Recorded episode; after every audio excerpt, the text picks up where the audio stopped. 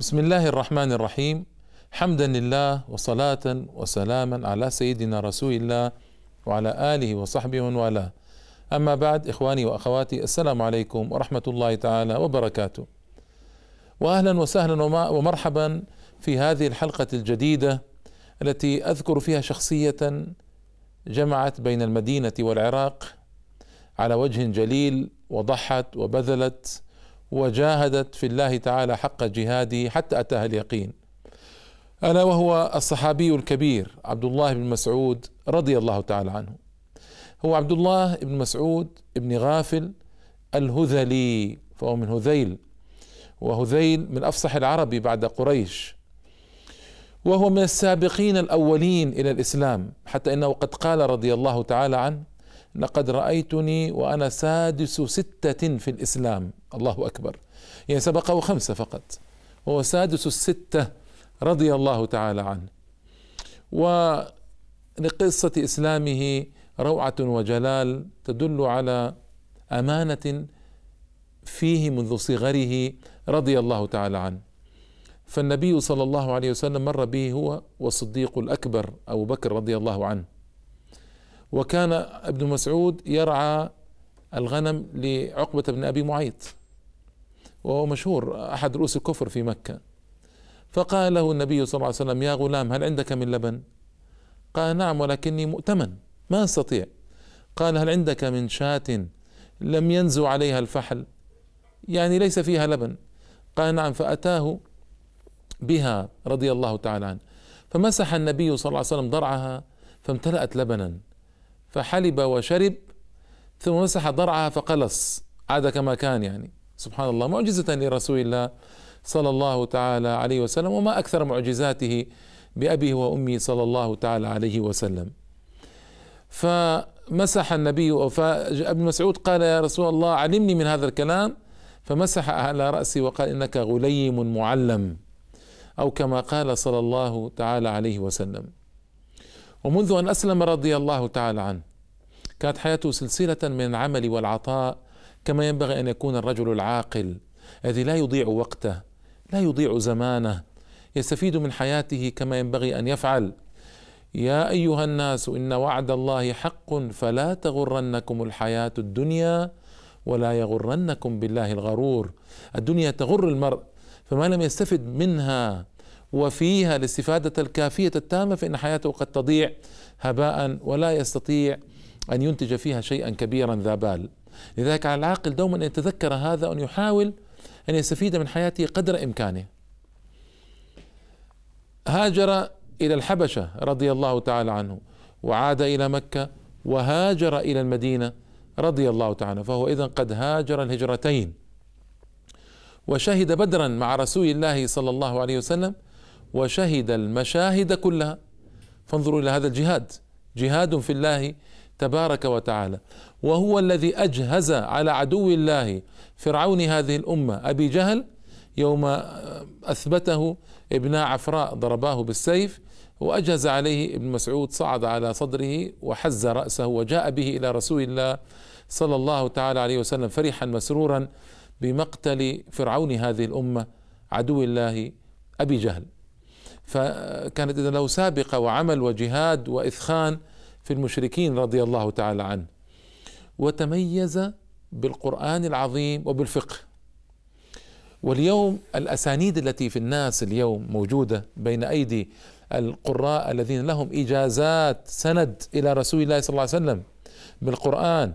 أقرأه شيخه فلان وشيخه فلان أقرأه شيخه فلان إلى أن يصل الصحابة إلى رسول الله صلى الله عليه وسلم إلى جبريل إلى رب العزة. جل جلاله. أسانيد الناس اليوم تنتهي إلى أشخاص من الصحابة رضي الله تعالى عنهم منهم عبد الله بن مسعود رضي الله تعالى عنه. فهو تنتهي فهو أحد من تنتهي إليه الأسانيد. وكفى بهذا فخرا وكفى بهذا شرفا. يقول النبي صلى الله تعالى عليه وسلم من أحب أن يقرأ القرآن غضا طريا كما أنزل فليقرأه على قراءة ابن, ابن أم عبد وهو عبد الله بن مسعود رضي الله تعالى عنه. وهذا فيه تزكية. النبي صلى الله عليه وسلم الذي نزل عليه القرآن يقول هذا. بل إن النبي صلى الله عليه وسلم جاء به يوما وقال اقرأ علي. فقال يا رسول الله أقرأ عليك وعليك أنزل. قال فإني أحب أن أسمعه من غيري. فقرأ ابن مسعود صدر سورة النساء حتى وصل إلى قول الله تعالى فكيف إذا جئنا من كل أمة بشهيد وجئنا بك على هؤلاء شهيدا. فغمزه النبي صلى الله عليه وسلم بقدمه الشريفة. فالتفت ابن مسعود فيقول له النبي صلى الله عليه وسلم حسبك. فالتفت ابن مسعود فإذا عيناه تذرفان. صلى الله تعالى عليه وسلم. فكان يقرأ على رسول الله صلى الله تعالى عليه وسلم. وبالتالي كان ابن مسعود لما كان في الكوفة كانوا أصحاب قد أقرأهم كان يأتي بعلقمة. وعلقمة كان من أحسن الناس صوتا في كتاب الله تعالى.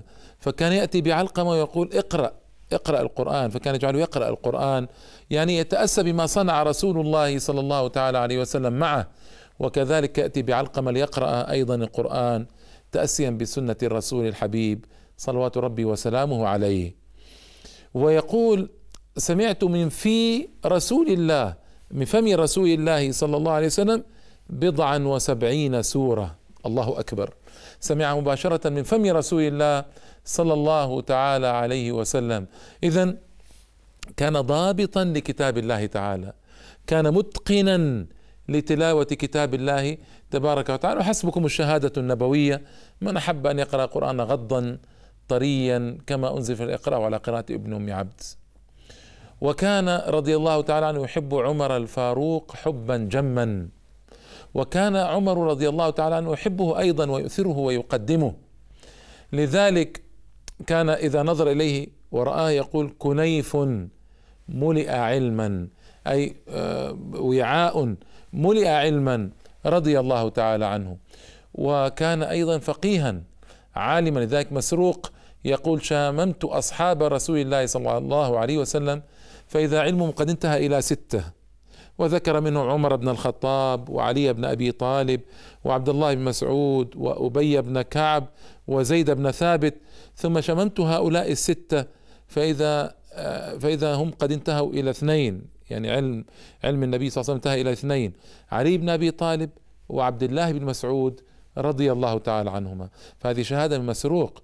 ومسروق حسبك به فقد لقي سبعين من أصحاب رسول الله صلى الله تعالى عليه وسلم وهو من كبار التابعين من أهل اليمن همداني رضي الله تعالى عنه. فحسبكم بهذا شهادة إذن. ويوما صعد النخلة ليجتني ثمارها فكشفت الريح عن ساقيه فضحكوا يعني والنبي صلى الله عليه وسلم جالس.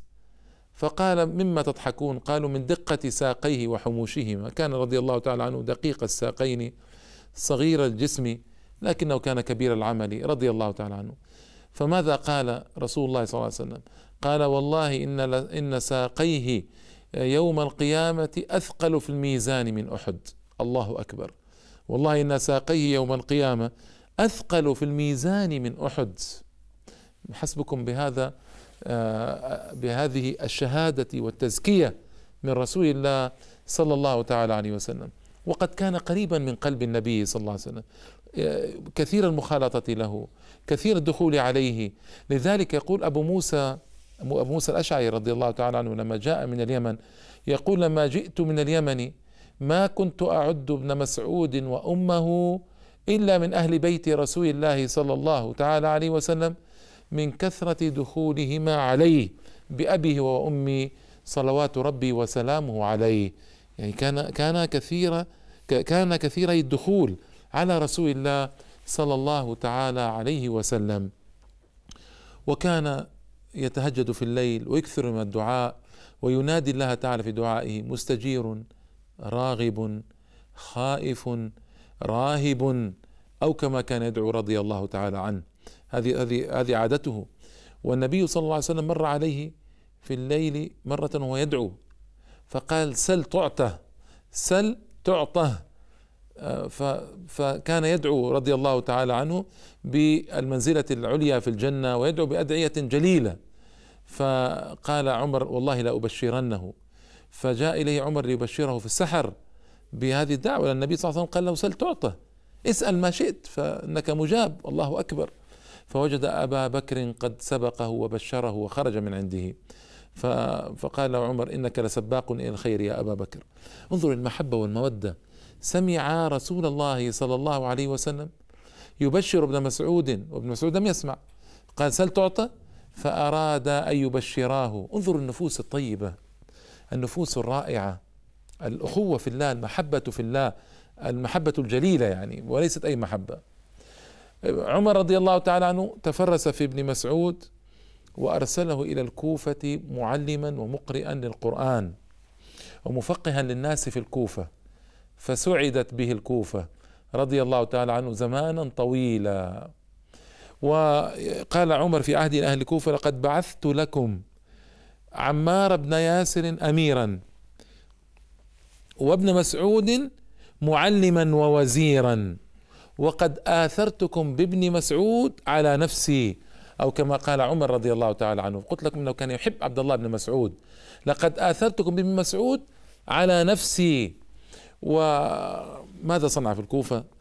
يعني هنا تأتي المهمة. أيها المدرسون اسمعوا. يا أيها المدرسون يا أساتذة المدارس يا أساتذة الجامعات. هذا الرجل ما كان يأخذ راتبا على تدريسه ما كان يأخذ أجرا على التدريس. إنما كان يأخذ العطاء العام للمسلمين جميعا وكان يدرس لوجه الله تبارك وتعالى. فالتف حوله مجموعة من الرجال العظماء علقمة والأسود بن يزيد وإبراهيم النخعي مجموعة من أهل الكوفة كبار وعظام التفوا حول ابن مسعود رضي الله تعالى عنه. ومن ابن مسعود تفرع بعد ذلك ما فقه ما مجموعة من الضوابط الفقهية والأحكام المنسوبة إلى اجتهاده رضي الله تعالى عنه وصارت مدرسة مدرسة في الكوفة مدرسة ابن مسعود رضي الله عنه. آه ثم بعد ذلك طلابه وسعوا في هذه المدرسة وكان لهم طلاب. من هؤلاء طلاب الطلاب كان أبو حنيفة رحمه الله تعالى ورفع قدره. فأبو حنيفة ينتسب إلى هذه المدرسة مدرسة عبد الله بن مسعود مدرسة الكوفة مدرسة الرأي كما اشتهرت بعد ذلك. المهم أنه ينتسب إلى هذه المدرسة مدرسة العظماء من تلاميذ ابن مسعود رضي الله تعالى عنه ورحمهم جميعا. كان حوله تلاميذ كبار فقهاء علماء أعجبوا به والتفوا حوله وأخذوا من علمه الواسع وعلمه الكبير. كان صاحب علم واسع رضي الله تعالى عنه وصاحب فقه. لذلك اليوم مروياته كثيرة أولا طبعا أما بالحديث فحديثه في الكتب الستة. هذا أولا. مما يدل على أنه كان واسع الرواية رضي الله عنه وكان معلوم معلوما بهذا هناك حديث كثير عنه رضي الله عنه. ثم أما في الفقه فأقواله مبثوثة في كتب الفقهاء. أقواله مبثوثة وكان ممن يعتمد عليه في الفقه رضي الله تعالى عنه. آه، كان في أيضا ابن مسعود كان في الكوفة إلى آه، قرب موته فانتقل من الكوفة إلى المدينة ليموت فيها رضي الله عنه. وفعلا بعد أن وصل المدينة بيسير توفي سنة اثنتين وثلاثين للهجرة وصلى عليه عثمان رضي الله تعالى عنه. ودخل عليه في مرض الموت عثمان فقال له ألا آمر لك بطبيب؟ قال الطبيب أمرضني. قال ألا أعطيك عطاءك؟ قال لا حاجة لي فيه. فكان زاهدا رضي الله تعالى عنه. وصلى عليه عثمان ودفن بالبقيع في مدينة رسول الله صلى الله عليه وسلم سنة اثنتين وثلاثين رضي الله عنه. لما مر لما جاء من الكوفة إلى المدينة مر بالربذة وربذة قرية آه، خارج المدينة. فوجد أبا ذر رضي الله تعالى عنه قد مات. وامرأته واقفة على رأسه في السكة تنتظر من يأتي ليكفنه ويساعدها في غسله وتكفينه ودفنه. فلما رأت ابن مسعود رضي الله عنه جاءوا من الكوفة جاءوا مكبرين مهللين وقد أهلوا بالعمرة فأشارت إليهم فأتوا. فلما عرف أنه أبو ذر نزل يبكي رضي الله عنه انظر الأخوة بين الصحابة كيف كانوا. نزل يبكي وقال رحمك الله يا أبا ذر. عشت وحيدا ومت وحيدا كما قال رسول الله صلى الله عليه وسلم. هذا يعني طبعا هذا حديث عن رسول الله صلى الله عليه وسلم. تعيش وحيدا وتموت وحيدا. فهذا هذه معجزة لرسول الله صلى الله عليه وسلم. هكذا حصل مع أبي ذر وتولى ابن مسعود تجهيزه رضي الله تعالى عنه ففاز بهذه المنقبة آه، وكان آه، له هذا الأجر العظيم. ابن مسعود رضي الله تعالى عنه كان يؤثر البعد عن الفتن. أيضا كانت شخصيته لا تحب الفتن كان يحب أن يبتعد عنها وهذه شخصية العاقلة. فالفتن والولوغ فيها مشكلة كبيرة. إن لم يكن الإنسان على مكنة من دينه ومعرفة بمآلات الأمور أو تحسس لمآلات الأمور فإن الدخول في الفتنة قد يعصف بدينه والعياذ بالله قد يؤدي به إلى مشكلات كثيرة. ابن مسعود رضي الله تعالى عنه هو يعني ما أدرك الفتن الكثيرة لكنه أدرك زمان أواخر زمان عثمان رضي الله عنه وانتقاض الناس عليه. فلذلك هو كان مبتعدا عن هذه القضايا. كلها والله تعالى نجاه أصلا. يعني مات قبل الفتنة الكبرى مقتل عثمان والحروب والجمل وصفين هذه القضايا الخطيرة كلها. من الله تعالى عليه بأنه مات قبلها مات عن 63 سنة. عمر رسول الله صلى الله تعالى عليه وسلم. وكان معظما لأصحاب رسول الله صلى الله عليه وسلم.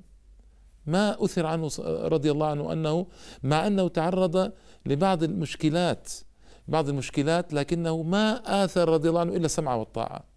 فيعني كان يرى في عمر رضي الله عنه قدوة العظمى الكبرى وعمر مؤثر تأثيرا بالغا في الناس من حوله لعدله البالغ ولفراسته ولحكمته وقوته وشدته في دين الله تعالى. كان مسعود يعظمه جدا ويحبه جدا. لما آه، توفي رضي الله تعالى عنه وجاء عثمان يعني عثمان رضي الله تعالى عنه آه، ابن مسعود رأى منه بعض الأمور لكنه ما خرج عن الطاعة ولا نزع يدا عن الطاعة. وهكذا المسلم العاقل. إذا اختلفت أنت وصاحبك أنت وأخوك ليس هذا معناه نهاية العالم أو نهاية الصحبة أو الأخوة أو قطع للعلاقة؟ يعني هذا أيضا من من عمل الشيطان. ابن مسعود رضي الله عنه صلى صلى مع أو حج مع عثمان فجيء إليه وقيل له إن عثمان رضي الله تعالى عنه صلى أربعا في عرفة وكان لعثمان وجه وأنه يرى الأعراب الكثر وخاف أن يظن أنهم يظنون أن الظهر يكون اثنين فصلى أربعا المهم في عرفة. فابن مسعود رضي الله عنه تضايق لأنها سنة رسول الله صلى الله عليه وسلم وسنة أبي بكر وعمر ومع ذلك صلى معه بعد ذلك في المناسك أربعا. فلما سئل أو يعني قيل له كيف وأنت ترى أن هذه السنة؟ قال إن الخلاف شر. إن الخلاف شر رضي الله تعالى عنه. ولما كان في الكوفة لما كان في الكوفة وأمر أمره عثمان يأتي إلى المدينة تجمع حول أهل الكوفة كعادتهم في في حبهم لصحابة رسول الله صلى الله عليه وسلم. فقال له ابقى عندنا ونحن نمنعك أن يصل إليك شيء تكرهه. قال لا أنزع يدا من طاعة. لا أنزع يدا من طاعة رضي الله تعالى عنه. وأيضا أيها الإخوة والأخوات لما أرسل إليه عثمان بعد كتابة المصاحف يأمره أن يحرق مصحفه. ذلك أن هنالك لجنة من الصحابة اجتمعت أربعة من الصحابة ليكتبوا المصحف العثماني الإمام نسبة إلى عثمان رضي الله عنه في زمانه ليكتبوه الكتابة التي بين أيدي الناس اليوم. وحضر وكان رئيس اللجنة زيد بن ثابت الذي حضر العرضة الأخيرة عرضة جبريل على النبي صلى الله عليه وسلم قبل أن يموت. آه، صلوات ربي وسلامه عليه. فجعله عثمان رضي الله عنه رئيسا لهذه اللجنة. الذي حصل هنا أن كتبوا المصحف واتفق عليه اثنا عشر ألفا من الصحابة الذين كانوا في المدينة وكبار التابعين. فعثمان رضي الله عنه أمر بالمصاحف كلها أن تحرق ثم يبقى آه، ينسخ من مصحف الإمام نسخ مصحف هذا الإمام الذي عنده في المدينة وأرسل إلى الأمصار. فأمر مصحف عبد الله بن مسعود أن يؤتى به آه، وأن أو أن يحرقه هو. فكبر عليه أن يحرقه أولا. قال كيف أحرق مصحفا؟ سمعت سبعين سورة منه أو بضعا وسبعين سورة منه من في رسول الله صلى الله عليه وسلم كبر عليه. ويعني لكنه بعد ذلك أذعن ورضي وتابع وأطاع. لا تظنوا الأمر سهلا أيها الإخوة والأخوات. يعني قضية الطاعة العرب كانوا أشد الناس أنفة وبعدا عن القياد والطاعة لكن الإسلام هذبهم. الإسلام ارتقى بمشاعرهم وعواطفهم وجعلهم أمة سلسة بعد أن كانوا أصعب الأمم انقيادا وشكيمة وأنفة فهو رضي وتابع بعد ذلك وأحرق مصحفه ورجع رضي الله تعالى عنه إلى الجماعة. هذه نفسية تشعرك كيف كان عبد الله بن مسعود رضي الله عنه. كان دائما يحب البعد عن الفتن والمشكلات يؤثر الطاعة يؤثر ائتلاف القلوب وهذا أين نحن منه اليوم؟ أين نحن من هذا اليوم؟ تجد الإنسان إذا وجد شيئا على على أخيه المسلم. ولو قليلا سار عليه الاتهام سار عليه التشهير سار عليه القذف والشتم والسب وما ترك شيئا. بينما انظروا لهذه الأخلاق العالية الرفيعة من ابن مسعود رضي الله تعالى عنه. يعني في الحقيقة هو شخصية فذة وشخصية فريدة متوازنة. علم القرآن عنده وما تفرع عنه من علوم القرآن وهو القائل والله الذي لا إله إلا هو لو أعلم أن رجلا أعلم مني بكتاب الله تبلغه الإبل لرحلت إليه. يعني يرى نفسه رضي الله تعالى عنه قد استوعب علم القرآن فلا يعلم رجلا آه، هو أعلم منه بهذا الكتاب العظيم. خاصة أنه قال هذا الكلام بعد أن توفي كبار الصحابة الذين هم مثله من علي رضي الله عنه وعمر رضي الله عنه وأبو بكر رضي الله عنه. فلو أعلم رجلا تبلغ أعلم مني بكتاب لا تبلغنيه الإبل لرحلت إليه. فإذا هو كان في علوم القرآن قمة وقلت لكم الأسانيد انتهت إليه إليه وإلى نفر معه من صحابة رسول الله صلى الله عليه وسلم. فالفقه كان فقيها وكان عالما بالمسائل وكان ممن يفتي آه، الصحابة رضي الله تعالى فهو مفتن من مفتي الصحابة رضوان الله تعالى عليهم وأقواله في الفقه منتشرة زاهد رضي الله عنه خائف من العباد. وهذه انظر للصفات هذه كيف توازنت فيه من العباد.